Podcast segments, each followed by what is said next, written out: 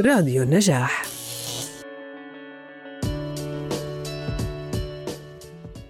هلا آه، لما نيجي بدنا نحكي عن الرهاب الاجتماعي أو القلق الاجتماعي أول شيء بدنا نعرف شو هو القلق. القلق هو حالة من الخوف آه، من شيء غير من شيء مجهول وإحنا ما بنعرف من شو بنخاف. تمام؟ لما بنربطه بال... بال... بالشيء بالاجتماعي بصير عندنا الخوف من المواقف الاجتماعية. ف... فالشخص اللي عنده رهاب اجتماعي هو شخص بيكون خايف إنه يكون محل ملاحظة الناس أو تحت الأضواء خلينا نسميه والناس كلها شايفينه أو بخاف من الانتقاد بيكون عنده حساسية للانتقاد. فبالتالي هذول الأشخاص بتظهر عندهم بعض الأعراض الجسدية والنفسية في المواقف الاجتماعية.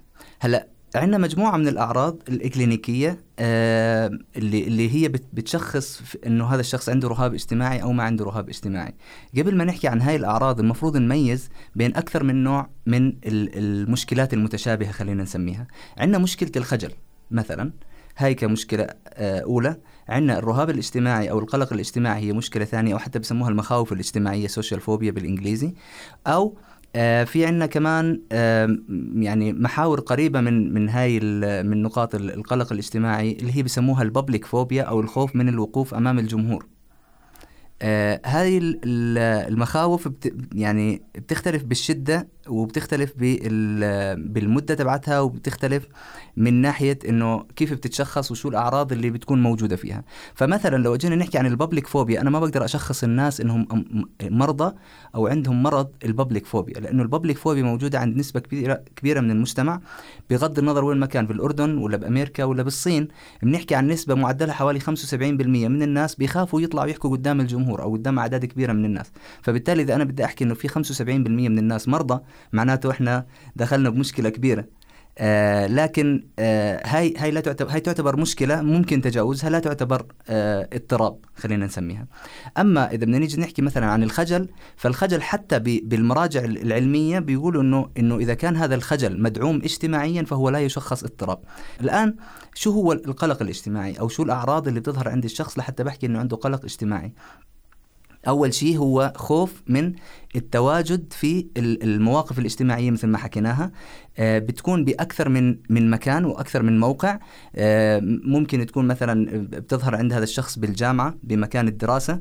بتظهر عنده بأماكن ثانية مثل الصحبة أو المواقف الاجتماعية مثل الأعراس مثل المناسبات.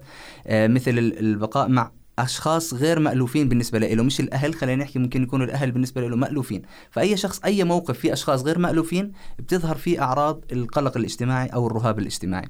هاي الأعراض بتبلش مثلا من أعراض مثل إحمرار الوجه التلعثم بالكلام ما بيطلع معه الكلام بشكل التأتأة طبعا أحيانا بتظهر عند هذول الأشخاص آه وهي يعني بتعتبر شائعة عند الأشخاص اللي عندهم آه، قلق اجتماعي.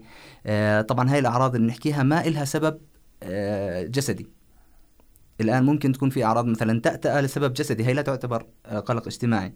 لكن إذا كانت التأتأة ناتجة يعني بالبيت هذا الإنسان بيحكي عادي لكن لما ينحط بموقف اجتماعي ببلش تأتئ معناته هاي ممكن تكون مؤشر على وجود قلق اجتماعي. لاحقا ببلش الإنسان ينسحب من هاي المواقف الاجتماعية وينعزل على نفسه وبيدخل في عزلة اجتماعية كونه آه يعني بخاف من النقد والملاحظة قدام هاي الناس. آه، وبتظهر هاي المواقف آه، أكثر شيء مع الناس الجداد أول ما بيتعرف على أشخاص جدد وفي بيئات معينة مثل بيئتنا العربية كونه إنه يعني يعني خصوصا مثلا عند الإناث خلينا نسميها آه، لأنه يعني موضوع الملاحظة عالي جدا بيكون عند عند الإناث أو شعورها بالملاحظة بيكون عالي جدا فبالتالي بتظهر بشكل أكبر عند الإناث أكثر من الذكور.